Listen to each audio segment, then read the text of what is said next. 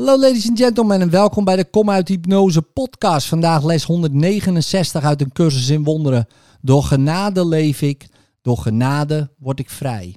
Genade is een aspect van de liefde van God dat het meest overeenkomt met de toestand die heerst in de eenheid van de waarheid. Het is werelds meest verheven streven, want het leidt geheel aan de wereld voorbij. Het ligt buiten wat geleerd kan worden, is niettemin het doel ervan, want genade kan niet komen voordat de denkgeest zichzelf opmaakt voor ware aanvaarding. Genade wordt ogenblikkelijk onafwendbaar in hen die een tafel hebben klaargemaakt waar zij zacht neergevlijd en graag ontvangen worden kan, een altaar schoon en heilig voor de gave. Genade is het accepteren van de liefde van God in een wereld van ogenschijnlijke haat en angst. Alleen dankzij genade zijn haat en angst voorbij. Want genade reikt een toestand aan, zo tegengesteld aan alles wat de wereld bevat, dat zij wie denkgeest verlicht is door de gave van genade, niet geloven kunnen dat de wereld van angst werkelijk is. Genade wordt niet geleerd. De laatste stap moet voorbij gaan aan al wat geleerd kan worden. Genade is niet het doel dat deze cursus nastreeft. Toch maken we ons op voor genade in de zin dat een open denkgeest de roep om te ontwaken horen kan. Hij is niet hermetisch afgesloten voor de stem van God. Hij is zich gaandeweg ervan bewust dat er dingen zijn die hij niet kent en is al dus bereid een toestand te accepteren die volledig verschilt van de ervaring waarmee hij bekend is en vertrouwt. Misschien leek het erop dat we onze uitspraak tegenspraken dat de openbaring van de eenheid van de Vader en de Zoon al is vastgesteld. Maar we hebben ook gezegd dat de denkgeest bepaalt wanneer dat tijdstip zal zijn en het al heeft bepaald. En toch drukken we jou op het hart te getuigen van het woord van God ten einde het ervaren van de waarheid te bespoedigen en de komst daarvan te versnellen in elke denkgeest die de effecten van de waarheid op jou ziet.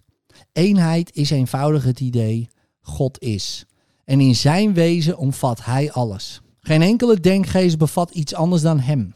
We zeggen God is en doen er dan het zwijgen toe. Want in die wetenschap verliezen woorden hun betekenis. Er zijn geen lippen om ze uit te spreken en er is geen deel van de denkgeest onderscheiden genoeg om te voelen dat hij zich nu gewaar is van iets dat niet hij zelf is. Hij heeft zich verenigd met zijn bron en als zijn bron zelf is hij alleen maar. We kunnen hierover absoluut niet spreken, schrijven en niet eens denken. Het komt tot elke denkgeest wanneer het totale inzicht dat zijn wil de wil van God is, volkomen is gegeven en volkomen is ontvangen. Het brengt de denkgeest terug in het oneindige heden, waarin verleden en toekomst niet denkbaar zijn. Het ligt voorbij verlossing, voorbij elke gedachte aan tijd, voorbij vergeving en het heilige gelaat van Christus. De Zoon van God is eenvoudig opgegaan in zijn Vader, zoals zijn Vader in hem. De wereld is er helemaal nooit geweest. De eeuwigheid blijft een constante staat. Dit gaat de ervaring die we proberen te versnellen te boven. Toch brengt vergeving, onderwezen en geleerd de ervaringen met zich mee die getuigen dat het tijdstip dat de denkgeest zelf bepaald heeft om alles op te geven behalve dit nu nabij is. We bespoedigen het niet in die zin dat wat jij zult bieden verborgen was voor hem die de betekenis van vergeving onderwijst. Alle leren was reeds in zijn denkgeest, volledig en volbracht. Hij zag alles wat de tijd bevat en gaf het aan elke denkgeest, opdat elk bepalen kon vanaf een punt waar de tijd ten einde is, wanneer hij tot openbaring en eeuwigheid wordt bevrijd. We hebben eerder al meermalen herhaald dat je enkel een reis maakt die voorbij is. Want eenheid moet hier zijn. Welk tijdstip de denkgeest ook voor openbaring heeft bepaald, is volkomen onbelangrijk voor datgene wat beslist een constante staat moet zijn voor eeuwig, zoals ze altijd was, ten einde eeuwig te blijven zoals ze nu is. We aanvaarden eenvoudigweg de rol, lang geleden toegewezen en ten volle als volmaakt vervuld gezien door Hem, die het draaiboek van de verlossing schreef in de naam van zijn schepper en in de naam van zijn schepperszoon. Het is onnodig verder te verhelderen wat niemand ter wereld begrijpen kan.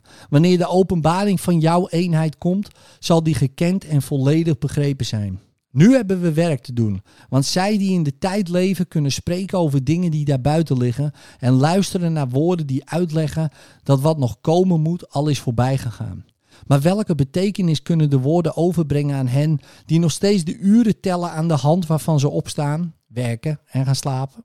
Laat het dan voldoende zijn dat jij werk te doen hebt om jouw rol te spelen. Het slot moet voor jou verborgen blijven tot jouw rol voorbij is. Het doet er niet toe. Want jouw aandeel is nog steeds hetgeen waar heel de rest op steunt. Wanneer jij de jou toegewezen rol op je neemt, komt verlossing een beetje nader tot elk onzeker hart dat nog niet klopt in samenklank met God. Vergeving is de rode draad die door heel de verlossing loopt en al haar delen in betekenisvolle relaties tot elkaar verbindt, met een gerichte koers en zeker resultaat.